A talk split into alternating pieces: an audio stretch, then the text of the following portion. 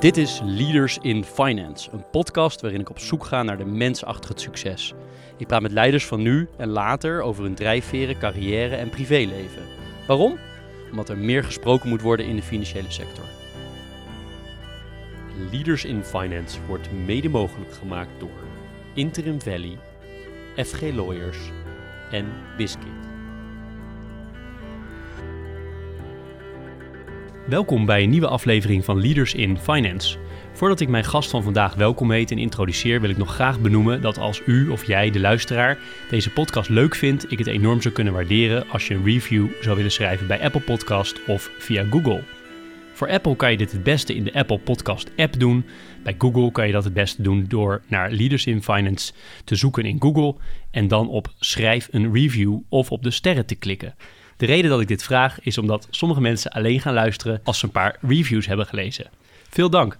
Dan nu de gast van vandaag. Ik zit hier bij Vondel CS, het Media Cultuurlab van de Afrotros, samen met René Smits, emeritus hoogleraar recht van de Economische en Monetaire Unie aan de UvA. Daarnaast internationaal consultant en voormalig legal counsel van onder andere de Nederlandse Bank en de ACM. We kennen elkaar via een gezamenlijk contact en hebben de afgelopen jaren meermaals contact gehad. Uh, welkom René bij eh, Leaders in Finance. Dankjewel, leuk hier te zijn.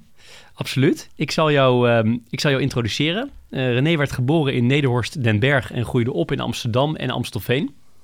Zoals gezegd, René Smits is emeritus hoogleraar recht van de Economische en Monetaire Unie aan de Universiteit van Amsterdam.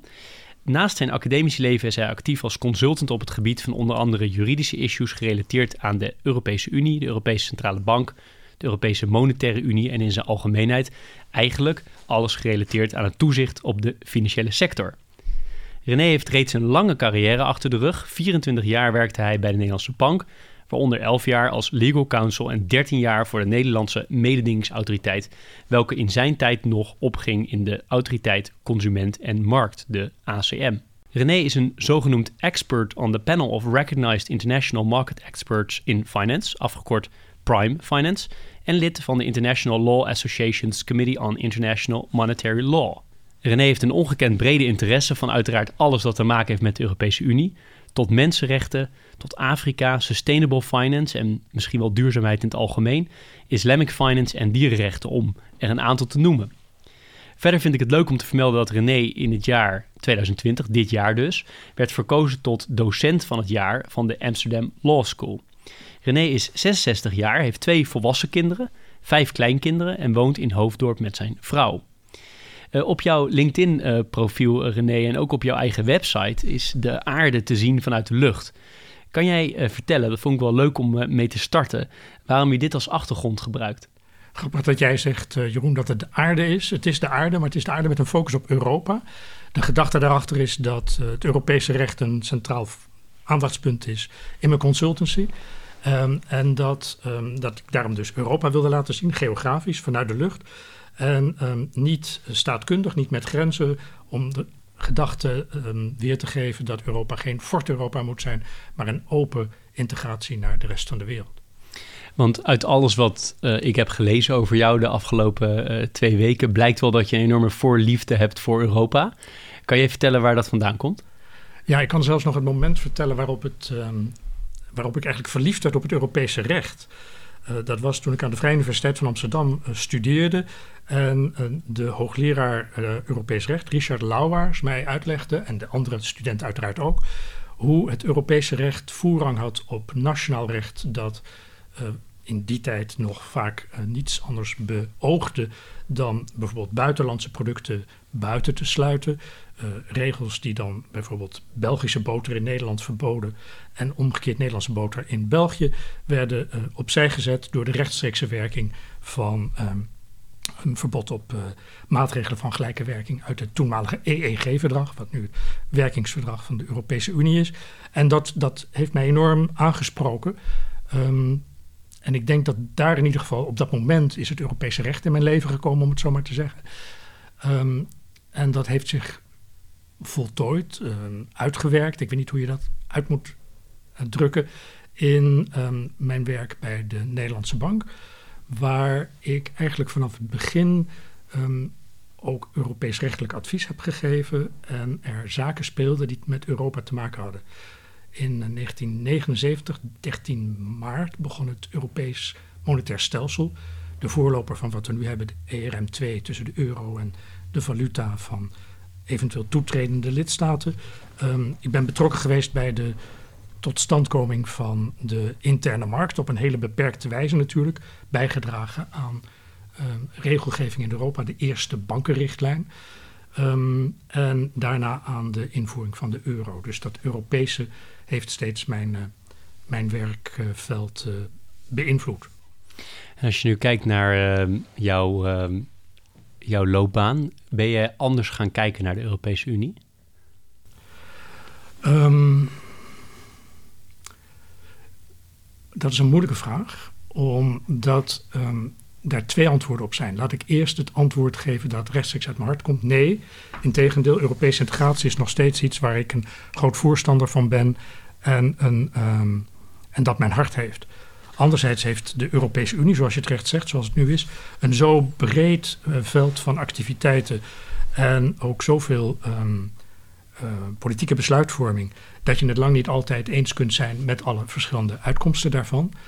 Uh, maar zoals ik ten aanzien van Nederlandse politiek zeg, het is geen reden om af te scheiden als, als een provincie. Als je het niet eens bent met een nationale politiek, vind ik dat dus ook geen reden om als je in Europa het niet eens bent met um, zaken van uh, politieke besluitvorming of hoe ze tot stand komen, die besluiten, om dan te zeggen we geven de Europese Unie op. Nee, dan moet die beter worden, transparanter, democratischer um, en vooral menselijker.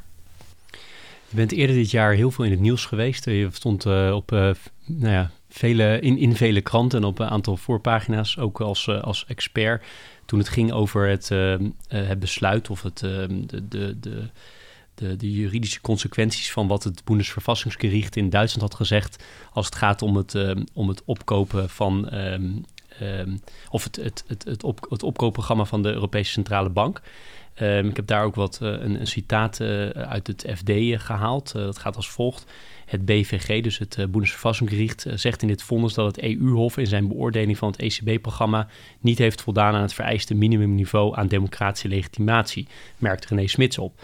Dat vindt de hoogleraar aan de UvA, die gespecialiseerd is in het recht van de Economische Monetaire Unie, quote, heel heftig. en daarnaast werd er nog gezegd, um, hier komt quote, hier komt een vinnige juridische loopgravenoorlog aan. Het Duitse grondwettelijk hof toont zich al sinds het verdrag van Maastricht in 1993 nogal vijandig tegen Europese integratie die niet op de Duitse voorwaarden is, zegt hoogleraar René Smits.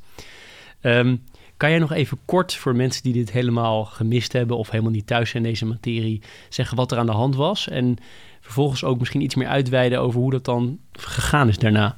Oké, dan moet je me wel kort houden als het te lang wordt. Jeroen, dat moet je, dat moet je beloven. Um, het Duitse constitutionele hof uh, kan door Duitse burgers uh, worden benaderd met vragen over inbreuken op het Duitse grondwet. En de Duitse grondwet staat Europese integratie nadrukkelijk toe, maar heeft een aantal um, bepalingen waardoor de um, integratie gebonden is aan een aantal beperkingen. Uh, beperkingen die kunnen bestaan uit een extra zware procedure wetgevingsprocedure om een nieuwe verdragsbepaling toe te staan of uh, zaken van soortgelijke aard. Vanaf het begin heeft het Duitse constitutionele hof, het grondwettelijke hof, zich heel kritisch opgesteld en gezegd er zijn een paar basisdingen waar we niet overheen kunnen stappen, waaronder de eigenheid van Duitsland, waaronder het feit dat er, zeggen zij, geen Europees volk is, er is alleen maar een Duits volk en een Frans en een Italiaans en een Nederlands en een aantal andere van dat soort waarborgen. In dit concrete geval, want anders wordt het te lang, uh, hebben mensen zich verzet tegen de opkoopprogramma's van de Europese Centrale Bank onder het um, inroepen van het feit dat dat buiten het mandaat zou zijn van de Europese Centrale Bank. Wat hoogste rechters, even een zijpad, wat hoogste rechters in Europa moeten doen, is wanneer ze een vraag van Europees recht hebben, dat voorleggen aan het Europese Hof in Luxemburg. Die geeft daarover een prejudiciële uitspraak. En het antwoord wordt dan maatgevend voor de beantwoording van de vraag in de zaak die nationaal aan de orde is. In een eerdere zaak heeft het Duitse Constitutioneel Hof voor het eerst, eindelijk, een vraag gesteld aan het Europese Hof. Uh, weliswaar heel tendentieus, eigenlijk gezegd: wij vinden dat de uitspraak zo zou moeten zijn. Bent u het met mij eens? Nou, dat was het Europese Hof niet. Ook in deze kwestie van het opkopen van overheidsobligaties, het PSPP, um, kwam er een vraag van het uh, Frankfurt, van het, sorry, het uh, Karlsruher Hof over wat Frankfurt deed. En ehm, met het antwoord was men het in Karlsruhe, dus daar zit het Bundesverfassungsgericht niet eens. En toen heeft men een paar dingen gezegd, waaronder zoals het Europese Hof omgaat met de evenredigheidseis. Alle Europese besluiten moeten evenredig, proportioneel zijn. Uh, dat, dat kan helemaal niet. Dat is zelf onevenredig. Ze zeiden zelfs in een uitspraak dat het Europese Hof zijn eigen mandaat te buiten ging. Dus toen hadden we plotseling twee actoren op Europees niveau die hun mandaat hadden over, overschreden volgens uh, Duitse rechterlijke visies. Uh, en ze legden dat dus naast zich neer. En ze gaven de Bundesbank en de bondsregering drie maanden de tijd om ervoor te zorgen dat de ECB uh, met een betere afweging van de proportionaliteit zou komen.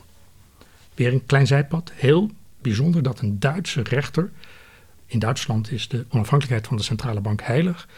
De regering en de Bundesbank, maar ook de regering, de opdracht geeft om te zorgen dat de onafhankelijke Europese centrale bank met een nieuw besluit komt dat die proportionaliteit uh, beter weegt. Uh, er is gezocht naar een pragmatische oplossing en die is voor zover ik weet gevonden, maar het is niet helemaal in de publiciteit helaas. Wat ik begrepen heb is dat binnen die drie maanden termijn de Bundesbank uh, aan de bondsregering um, documenten heeft overhandigd waaruit blijkt dat de ECB uh, weer een keer opnieuw de proportionaliteit uitgebreid heeft uh, behandeld van haar opkoopprogramma's. Dat kun je ten dele terugzien in de monetary policy accounts van de ECB uit juli, uit mijn hoofd gezegd. Um, en daarmee is de kous voor de twee gedaagden, de bondsregering en de Bundesbank, af. Uh, ik zeg trouwens bondsregering en Bundesbank, maar ik moet Bundestag zeggen. Dat zijn de twee gedaagden. En de Bundesbank speelt een bemiddelende rol hier. Um, en nu maar hopen dat er niet weer een zaak komt, maar die hoop is denk ik futiel, want er komt vast weer een zaak. omdat het in Duitsland vrij makkelijk mogelijk is om een verfassingsbeschwerde een constitutioneel uh, klacht neer te leggen tegen Europese organen die hun mandaat te buiten zouden gaan. Het lijkt me zeer ondermijnend vanuit politiek opzicht zoiets. Hè? Dat, je, dat, dat een, een nationale uh, partij zich op deze manier kan inmengen op Europees niveau.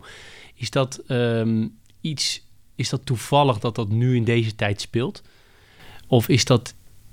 Nee, je, je, je hoorde mij, je zag mij nee knikken. Nee, dat is zeker niet toevallig. Uh, het is politiek heel lastig, maar het is ook juridisch heel lastig.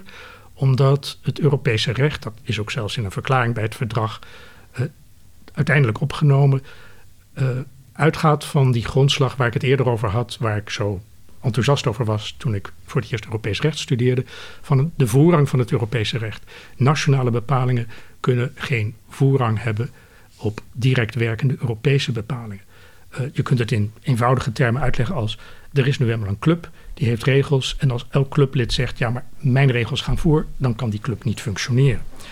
Uh, het speelt zeker met name in deze tijd van populisme en um, nationalisme, wat we de laatste twintig jaar toch zien sterk opkomen. Um, ten eerste omdat er veel meer um, stem is voor dat soort uh, overwegingen in de media, ook in de nationale media. Ten tweede misschien ook omdat we een nog steeds heel versnipperd uh, Europees medialandschap hebben. Er is in Nederland discussie over Europa, in Duitsland, in Frankrijk, elders. Uh, maar die discussie is vaak niet eens volstrekt uh, op dezelfde lijn of gaat niet over dezelfde dingen. Maar we hebben nauwelijks een Europese mediaspace, zoals ik dat wel noem. Um, dus dat het nu zo opkomt, is niet verwonderlijk. Dan iets heel anders. Je bent uh, recent emeritus hoogleraar geworden. Niet meer, uh, niet meer direct uh, verbonden, als ik zo mag zeggen, aan de, aan de Universiteit van Amsterdam. Klopt. En ik begreep dat jij dat ook best bijzonder vindt. Dat dat in Nederland een, een, een gegeven is. Dat je op, welke leeftijd is het?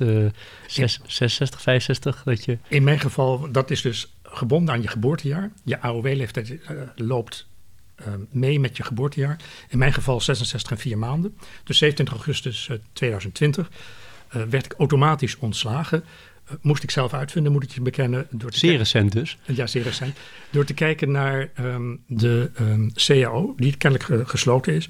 Nou wordt het uiteraard niet zo heet gegeten als, als je dat bedenkt. je zou wellicht misschien nog bij de universiteit verbonden kunnen blijven. Maar ik heb er zeker omdat, wat je al in de inleiding zei, ik dit jaar docent van het jaar was, uh, voor gekozen om te denken: dit is een heel moment om meteen ook afscheid te nemen. Niet in die zin dat ik geen les meer ga geven. Ik geef les in de Master Law and Finance en dat zal ik in januari weer doen in mijn vak. Dat de centrale banken en de toetsing van de mandaten van de centrale banken. Dus we hebben het over de soort van zaken waar we het net over hadden. Um, centraal staat. Uh, ik ga ook lesgeven in Bologna aan de universiteit. Dus lesgeven ga ik zeker nog doen. Ik ga ook nog masterscripties begeleiden. Ik ben ook bezig met een, met een boek, academisch boek over sustainable finance. Dus dat ga ik allemaal doen. Ik ga eigenlijk helemaal niet met emeritaat. Maar formeel ben ik met emeritaat. En... Is het toch een beetje discriminerend die, qua leeftijd? Je kan natuurlijk prima tien jaar ouder zijn en, en president van Amerika zijn. Uh, maar hier word je toch op deze leeftijd... Uh... Ik, uh, ik heb net rondom deze tijd, want je bent er natuurlijk toch met je hoofd mee bezig, een boek gelezen van Daniel Levithan. En dat gaat over de geest van oudere mensen. En wat hij omschrijft, uh, hij is uh, neurowetenschapper, is dat we op een aantal punten inderdaad achteruit gaan naarmate we ouder worden. Al vanaf een vrij jonge leeftijd zijn bepaalde cognitieve functies niet meer zo goed als daarvoor.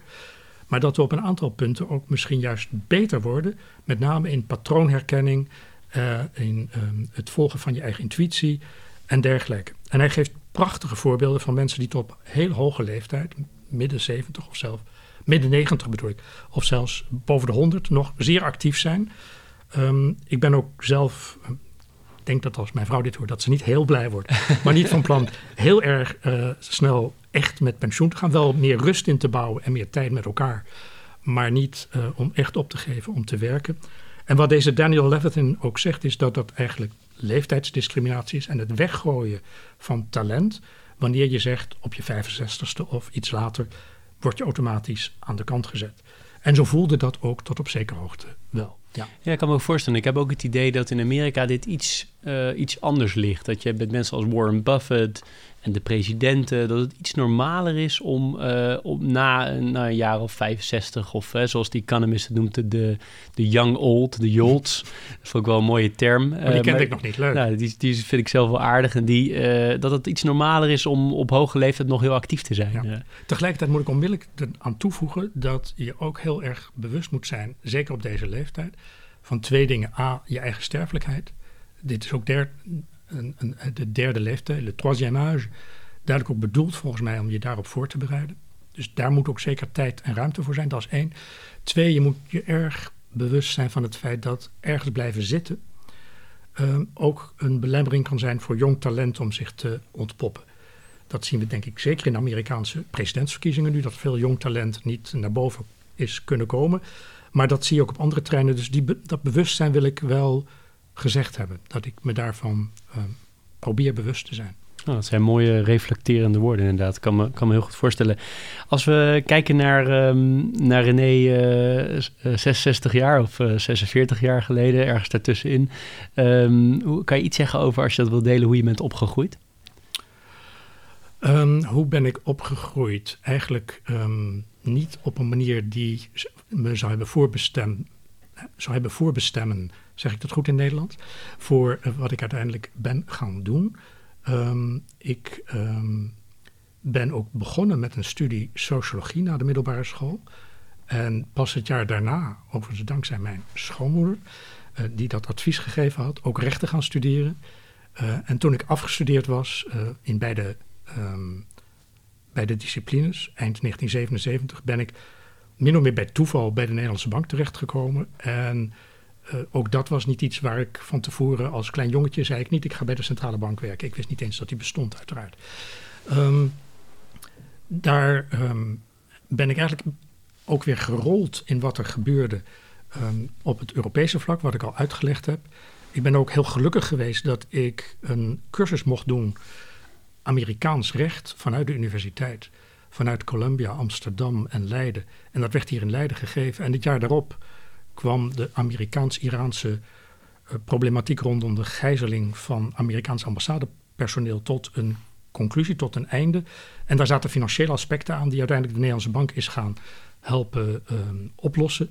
En toen werd ik als uh, jong jochie, zeg ik dan nu, midden twintig, betrokken bij onderhandelingen tussen Iraniërs, Algerijnen en Amerikanen ten kantoren van de Nederlandse bank. En dat was een, een, een, prachtige methode om A te tonen wat je kon en B bij te dragen aan um, nou, iets uh, van mondiale overeenstemming over een ingewikkeld probleem. Ook wel spannend, of niet? Zeker spannend, ja. Spannend en uitputtend en um, betekende eigenlijk ook veel voor mijn gezin, want dat heb ik toen uh, niet veel gezien. En heb je iets daar geleerd waarvan je zegt dat heb ik nog steeds, heb ik daar wat aan? Ja, um, wat ik daar.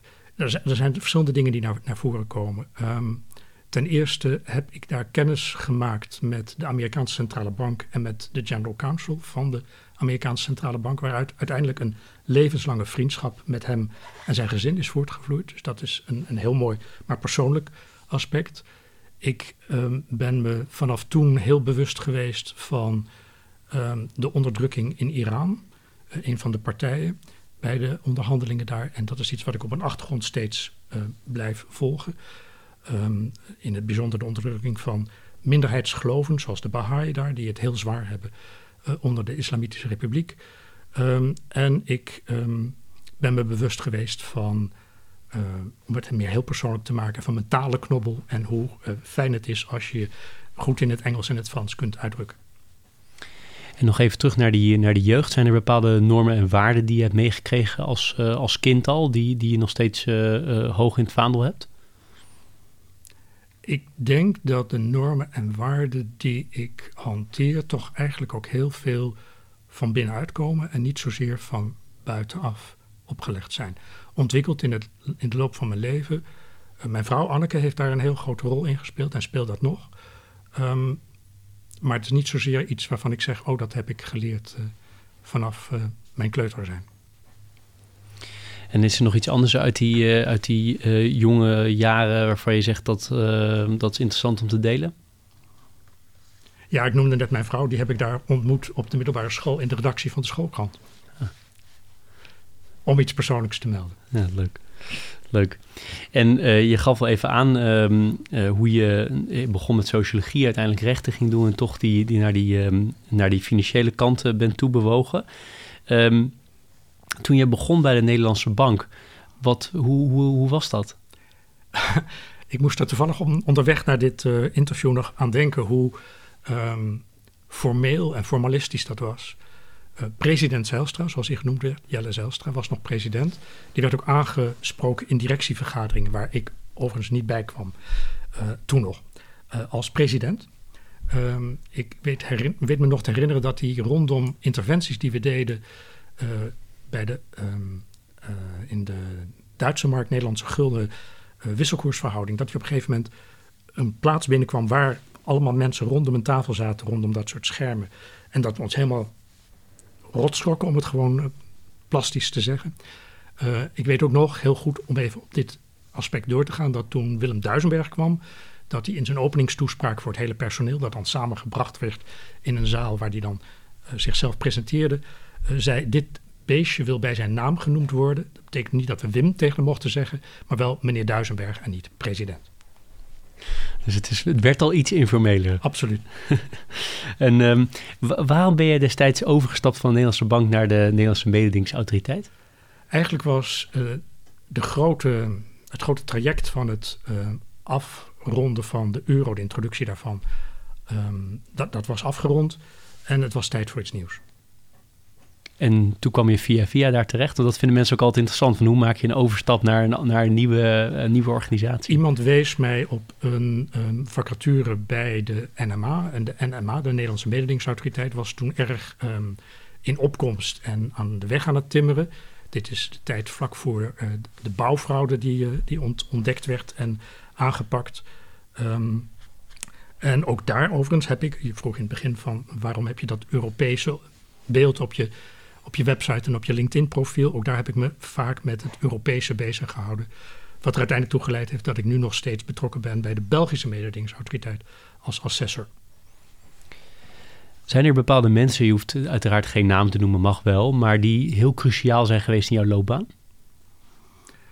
Ja, degene aan wie ik als eerste dan denk is Huip Muller, uh, hoofd toezicht, directielid uh, van het toezicht van de Nederlandse Bank.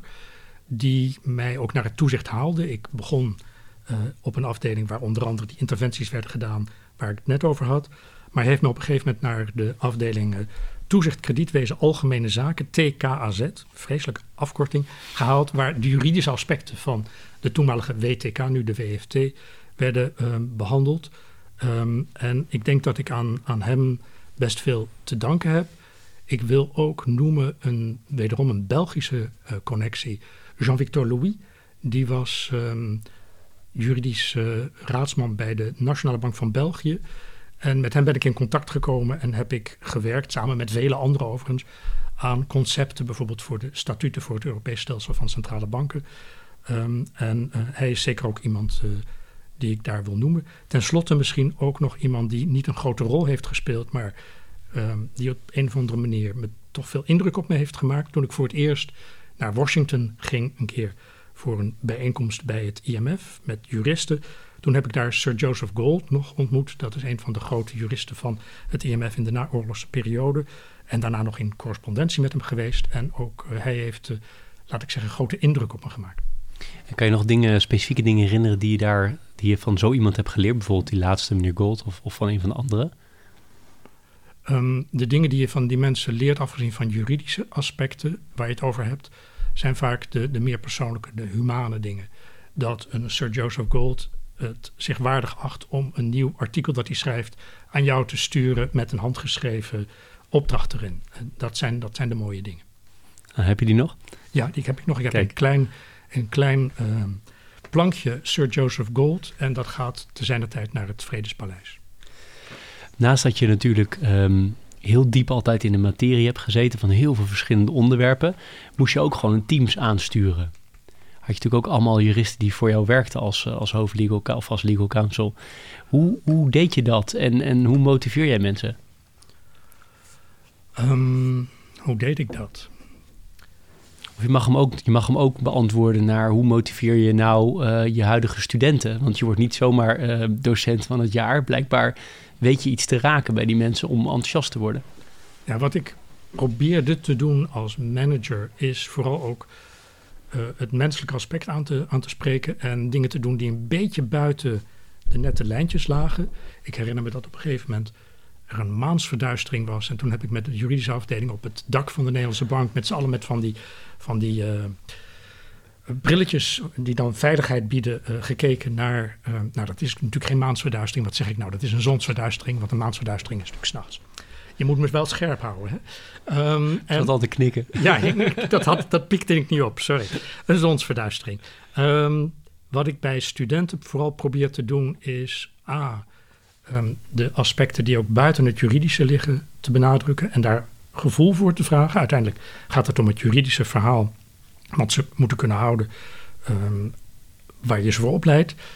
Maar om een voorbeeld te noemen wat ik gedaan heb in de tijd dat ik nog mijn eigen vak gaf aan de universiteit, recht van de Economische en Monetaire Unie, was altijd studenten op te dragen om bijvoorbeeld een programma dat Griekenland of Portugal of Cyprus was opgedragen te bekijken, zowel van hoe zit dat juridisch in elkaar, wat is de trap vanuit het Europese verdrag uiteindelijk naar de teksten, hoe komt het tot stand, maar ook kijk naar de omstandigheden. Wat, wat doet dit concreet op de, op, on the ground, om het in goed Nederlands te zeggen, uh, met um, cijfers over uh, zelfmoorden in Griekenland of over um, gezondheidszorg in Portugal. Interessant. En als je kijkt naar, uh, naar jouw werk, wat uiteindelijk motiveert jou nou het meest? Wat zijn nou echt de drivers van René Smit als het gaat om, om alles wat je doet? Heel veel verschillende dingen. Je hebt ook altijd heel veel verschillende dingen gedaan. Maar wat is nou uiteindelijk de echte driver? Verbinding. Wat bedoel je daarmee? Verbinding leggen tussen mensen, tussen mensen van verschillende uh, religieuze of culturele achtergronden. Um, proberen overeenstemming te krijgen over een bepaalde zaak. Als je met een contract uh, of een internationale overeenkomst of een, um, een, een, Europese wet, een, eerste bankenrichtlijn of andere um, Europese wetten bezig bent. dat vond ik ook altijd het meest uh, aantrekkelijke aan het werk mensen met elkaar in verbinding brengen. Met name mensen die van verschillende achtergronden zijn of van verschillende insteken.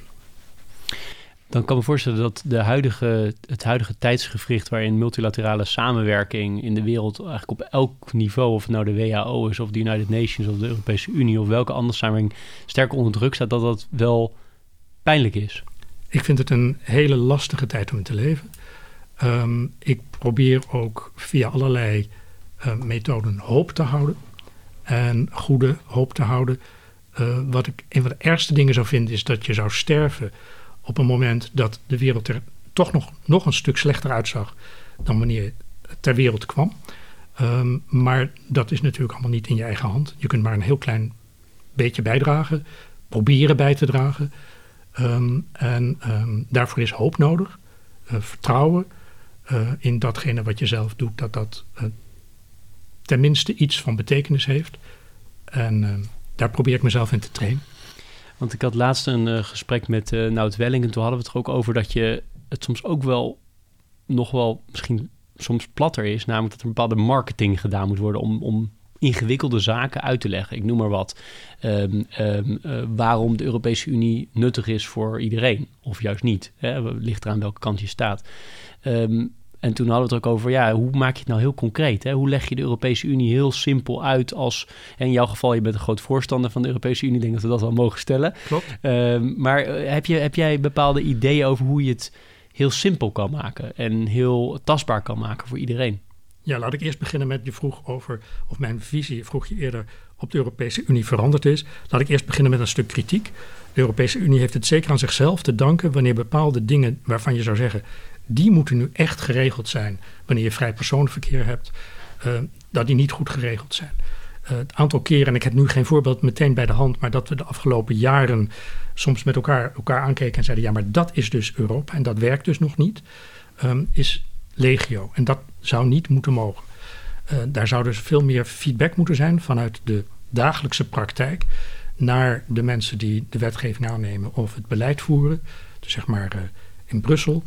Uh, zodat die elementen worden aange aangepakt. Dat is één. Twee, ik zie een volstrekt gebrek aan enthousiasme voor de Europese zaak bij Nederlandse politici, de meeste althans, en met name ook bij de huidige minister-president, die het zich veroorlooft om daar dingen over te zeggen um, die laatdunkend zijn en uh, aangeven dat hij zich um, niet committeert. Daar hebben we gelukkig een Oosterbuurvrouw, Angela Merkel, die dat heel anders doet. Um, en ik denk dat dat, en daar hebben we het natuurlijk ook nog niet gehad over Emmanuel Macron, die denk ik net zo eurofiel is als ik. Uh, maar ik denk dat dat belangrijk is dat leiders zich ook committeren en ook voor een zaak durven staan. Waarbij ze de fouten en vergissingen en dingen die niet goed gaan ruiterlijk zouden kunnen erkennen.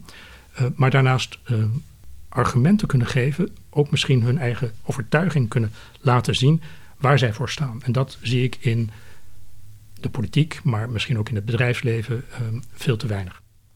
Denk je dat de politiek uiteindelijk wel meer pro-Europees is, maar het niet durft naar, er echt voor het achter te gaan staan? Nou, dat is natuurlijk een van de engste dingen van de afgelopen twintig jaar. De, de angst voor um, populisten en het niet willen erkennen van wat er aan waardevol is in de woorden van de populisten.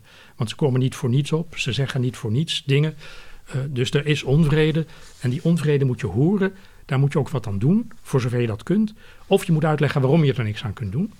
Maar je moet niet opschuiven, steeds verder naar, ik ga het even uh, heel duidelijk politiek zeggen, steeds verder naar rechts, totdat op een gegeven moment uh, het normaal rechts ongeveer het extreem rechts van 20 jaar geleden is. Want je zou kunnen betogen dat als je nu op dit moment heel proactieve, of zeg maar pro-Europese, en dat ook nog heel proactief gaat brengen, uh, messaging, dat dat misschien juist die populistische kant heel erg in de hand werkt. Ik noem maar wat de partijen die heel anti-Europa zijn, ja. die wij spreken letterlijk zeggen dat ze uit de Europese Unie willen, dat dat misschien juist tot een verdubbeling van hun stemmen leidt. Dat weet ik niet. Ik ben eigenlijk, maar misschien ben ik daar uh, te hoopvol in inmiddels. ik ben van overtuigd dat wanneer je staat voor een bepaalde zaak, dat die zaak dan ook kan leiden tot, uh, mensen, tot, tot, een gevoel bij mensen van oké, dat is een. Dat is een goede zaak waar we ook achter staan. Als je kijkt naar de eurobarometer uitkomsten, dan zie je dat Nederland helemaal niet zo euroceptisch lijkt te zijn, zelfs voor een Europees leger in een meerderheid, um, als je zou denken wanneer je de media hier volgt. Verder zie ik, uh, je hebt het over erg voor Europa zijn, zie ik uh, grassroots bewegingen opkomen, zoals de Volt-partij in heel Europa. Jonge mensen die zeggen we moeten naar een heel ander soort van Europa, uh, veel meer van onderop. En nu net in Noord-Rijn-Westfalen hebben ze bij de lokale verkiezingen een aantal gemeenteraadsleden gewonnen. zijn ze groter geworden in sommige gemeenten dan de CDU-CSU. En dan denk ik, nou, goed gedaan. Geef ik, ik, wil jou een vraag stellen over die Volt-partij. Want ik zag jou, ik heb jouw Twitter-account uh, doorgespit. En daar leer je altijd veel over iemand. Ja, uh, maar de Volt-partij heeft blijkbaar wel jouw sympathie, als ik het zo. Uh... Ja, ze zijn, zoals ik al zei, jong, enthousiast, bezig om te proberen op een andere manier politiek te, te, bedrijven. En ook zeer menselijk. ze zijn bijvoorbeeld zeer betrokken bij wat op dit moment in Griekenland gebeurt met, met de vluchtelingen. Um, en dat vind ik een geluid wat ik alleen maar verwelkom.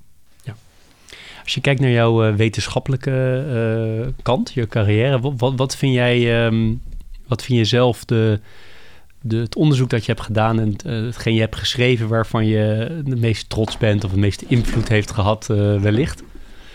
je wordt nu mij nu een, een, een, een boek laten zien, dat heet de European Central Bank. Institutional Aspects, dit is mijn proefschrift. dat is het eerste Engelstalige, althans, er was inmiddels ook een Duitsstalige, maar het eerste Engelstalige commentaar op um, de juridische bepalingen waarop de Europese Centrale Bank is gebaseerd. Uh, uiteraard, uh, dit is uit 1997, dus vol, volkomen niet meer up-to-date. maar een aantal dingen die ik daar geschreven heb, sta ik nog steeds zeer achter. Zoals bijvoorbeeld dat de Europese Unie lid moet worden van het IMF. Um, en andere zaken. kijk er ook zo af en toe nog in terug. En dan denk ik, goh, had ik toch niet gek bedacht. en ik heb begrepen dat, dat generaties Europese juristen bij de ECB uh, hiermee opgegroeid zijn. Dus daar ben ik denk ik uh, trots op. Waar ik verder het meest blij mee ben, is iets recenter. Ik heb een tijdje geleden, ik hou nu omhoog, ik zal het je voorlezen, zodat jij dat niet hoeft te doen, Een boekje Islamic Finance and the Influence of Religion on the Law. Een tijdje geleden tijdens een conferentie van de International Law Association in Den Haag heb ik een panel georganiseerd van een aantal mensen die gingen praten over onder andere Islamic Finance, maar ook over de samenhang of niet tussen recht en um, religie. En um, dit is een boekje bijvoorbeeld waar uh, uit uh, de Koran en uit de Joodse Bijbel in de oorspronkelijke taal citaten uitstaan. Dus in het Arabisch en in het Hebreeuws. En dat vind ik dan een mooi brugmoment waar ik trots op ben. Maar ik um, zie dat Islamic Finance wel degelijk weer aandacht krijgt. Dat kreeg het begin van deze eeuw en vlak na de grote financiële crisis, is Islamic Finance, werd er toen wel gevraagd, een methode van duurzaam bankieren die de fouten waarin we zijn vervallen en de gevolgen die we hebben moeten ondergaan had kunnen voorkomen.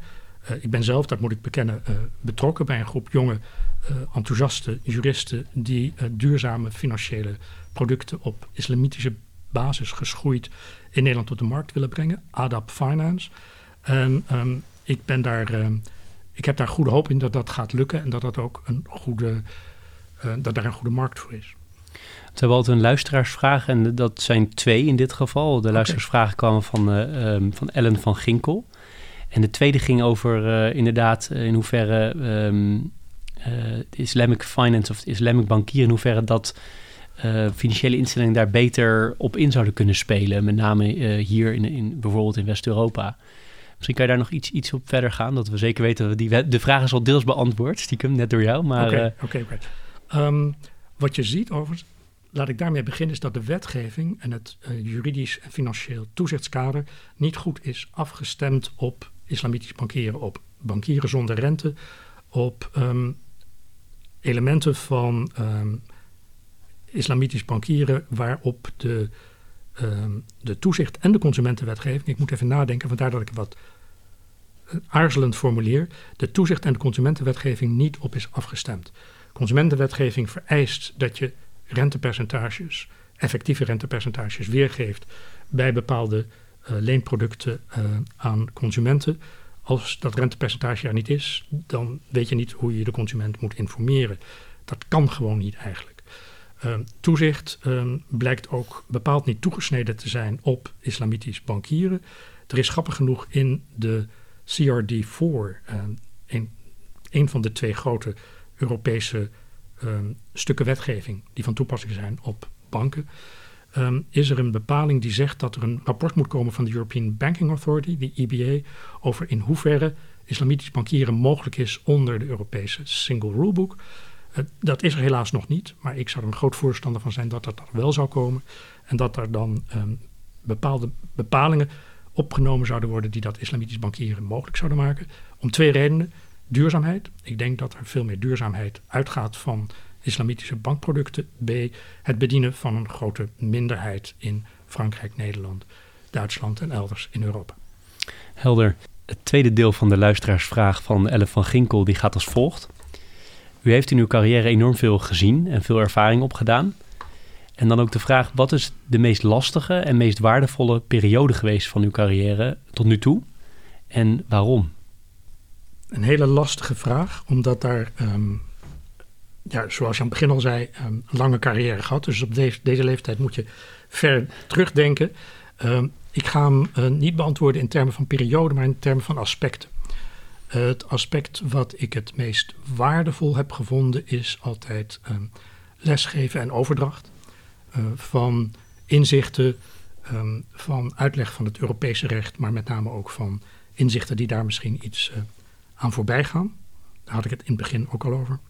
Het meest lastige aspect heb ik altijd gevonden, zowel bureaucratie, waar ik absoluut niet tegen kan. Als je me geïrriteerd wil zien, moet je een bureaucratisch iets um, aan me voorleggen.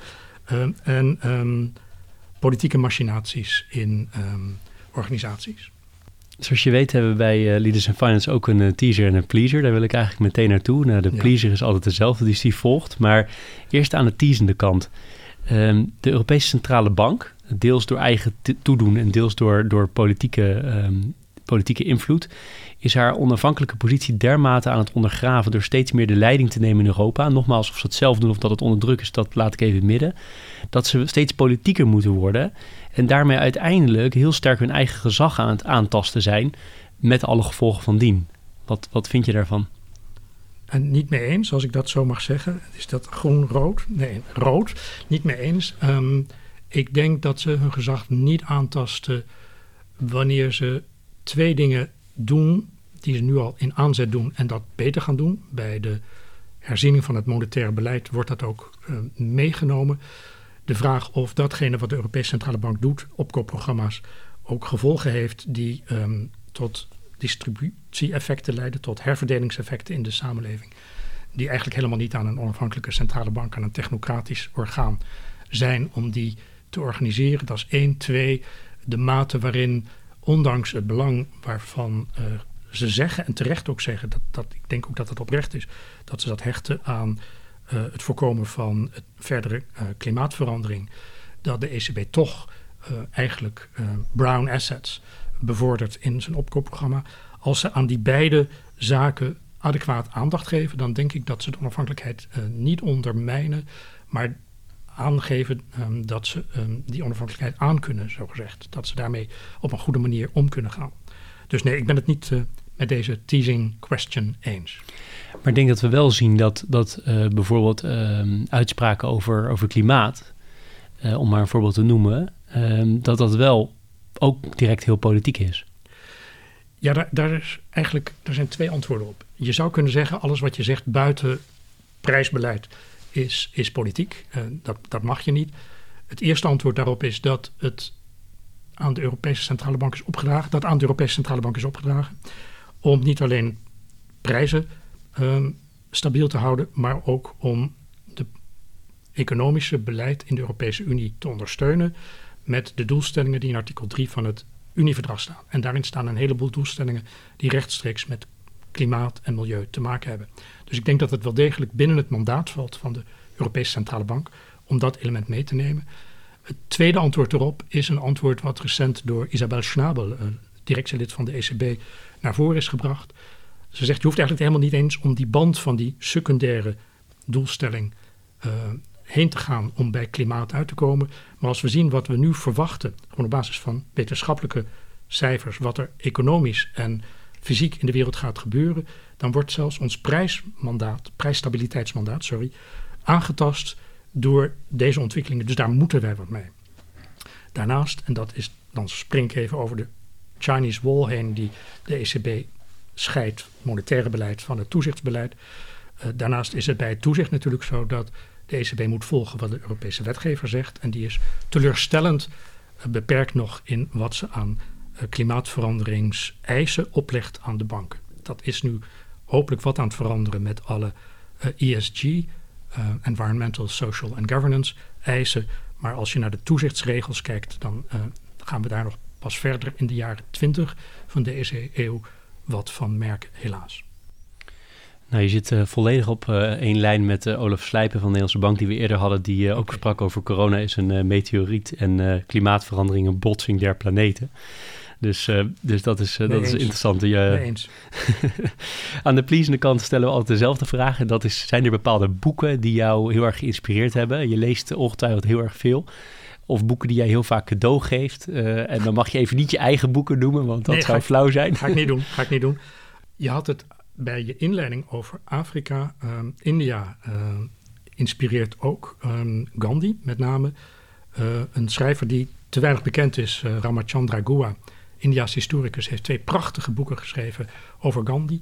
Gandhi Before India, South Africa is dat. En Gandhi, The, the Years That Changed the World, um, zeer van onder de indruk. Je had het over dieren. Eva Meijer, destijds aan de UvA verbonden, nu aan Wageningen, When Animals Speak, prachtig boek over de mogelijkheid van tot bewust handelen van, van dieren.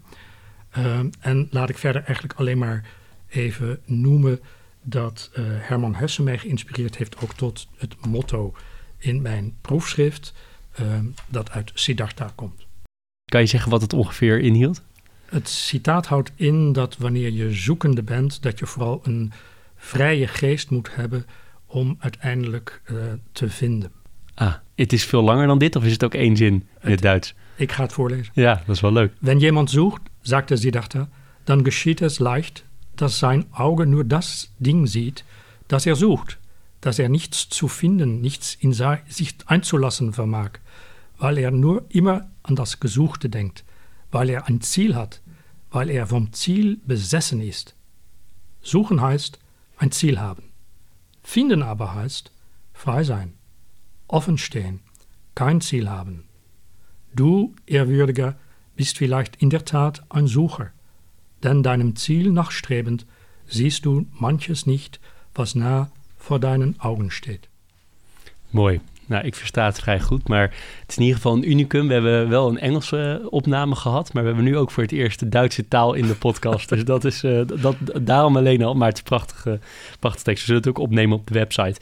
Dan gaan we nog even terug naar, uh, of niet terug, maar gaan we nog even naar een heel ander uh, onderwerp. Een beetje de laatste paar kortere vragen. En dat is, um, heb jij bepaalde tips voor mensen die nu starten aan hun loopbaan? En la, je mag het heel breed houden. Je mag ook zeggen in de financiële sector of misschien meer in jouw hoek waar jij actief bent geweest. Maar heb je bepaalde tips?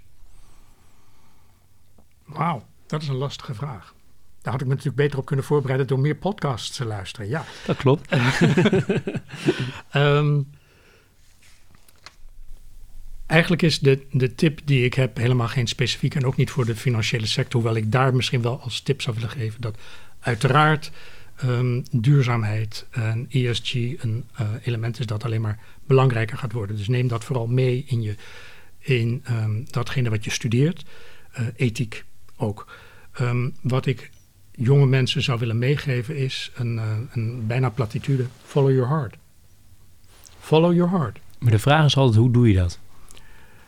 Um, door, door, door twee dingen. Door enerzijds heel bewust aan jezelf te vragen waarvoor je hier bent, wat je bijdrage in deze wereld is. En door anderzijds een beetje oude mannenpraat, maar te bedenken wat je zou willen dat mensen over jou zouden zeggen uh, op je begrafenis. Nou, ik denk dat dat een hele goede is. Um, je bent altijd uh, heel druk geweest. Je gaf in het begin al aan dat je zeker in die begintijd bij Nederlandse Bank dat je ontzettend veel uh, of hard gewerkt hebt. Uh, hoe manage jij jouw privé en werk en hoe heb je dat gedaan in het verleden? Dat moet je mijn vrouw vragen. Um, die hebben we nu niet hier, nee, dus dat toch is, bij jou. is uh, helemaal duidelijk. Ik denk met te veel nadruk op vooral carrière willen maken en laten zien um, wat ik kon. Um, wat ik nu doe is eigenlijk veel meer intuïtief leven en zien wat, wat, wat opkomt. Uiteraard heb ik een agenda en moet ik bepaalde dingen doen. maar daarnaast probeer ik meer ruimte te maken voor toevalligheden, dingen die opkomen, dingen samen doen met Anneke. en ehm, dan blijkt vaak achteraf dat de dingen die ik ook moest doen, toch ook nog wel klaarkwamen, maar dan iets later. En dat dat helemaal geen probleem was. En hoe zorg je dat je mentaal en fysiek fit blijft? Aantal dingen. Meditatie. Ehm, elke dag? Of? Elke dag. Uh, elke ochtend, elke avond, 30 jaar lang. Ehm, en ik um, ben sinds ik niet meer in vaste dienst was, weliswaar nog van de universiteit, maar dat was een deeltijdbaan. Uh, dus dat is sinds 2014 ben ik gaan zwemmen. Uh, dus ik, ik zwem en ik doe yoga. Dat is wel even interessant nog, die, je zegt ik doe nu 30 jaar meditatie. En dan was je een jaar of nou, midden 30. Klopt. Hoe kwam je daartoe? Crisis. Uh, dingen die in het leven niet gaan zoals je zou willen dat ze gingen. Um, en um, toen ben ik op yogales gegaan bij uh, een yogalerares die ook uh, meditatie gaf. En die meditatiemethode ben ik gaan volgen. Heeft iemand dat jou getipt dan, dat je bij zoiets terechtkomt? Ik weet, ik weet niet meer hoe het kwam. Maar de aanleiding was een crisis en daardoor dacht je, ik moet iets veranderen en nu... Klopt. Interessant. Voordat je, dat ik jou zo ga bedanken voor dit uh, leuke gesprek... en ik besef me heel goed dat er nog honderd andere dingen ter bespreking hadden kunnen zijn... maar ik wil je wel de kans geven om te zeggen... Jeroen, ik vind het toch echt heel jammer dat je dit niet hebt gevraagd... of dit is iets van wat ik heel graag had willen delen. Nee, ik vond het ook een leuk gesprek. Dank je wel. Dankzij uh, Bloemon, uh, de, de online bloemen, het online bloemenbedrijf, krijg je zo meteen nog een, een cadeautje met, als, als dank voor je tijd en je deelname aan Leaders in Finance. Dankjewel. En voor nu heel erg veel dank voor je, voor je tijd en je openheid en voor het, voor het leuke gesprek. Dankjewel, Jeroen. Dit was Leaders in Finance. Elke week weer een nieuwe aflevering. Elke week weer een mens achter het succes. Ik vind het belangrijk om te zeggen, deze podcast zou er niet zijn zonder onze partners. Interim Valley, FG Lawyers en Biscuit.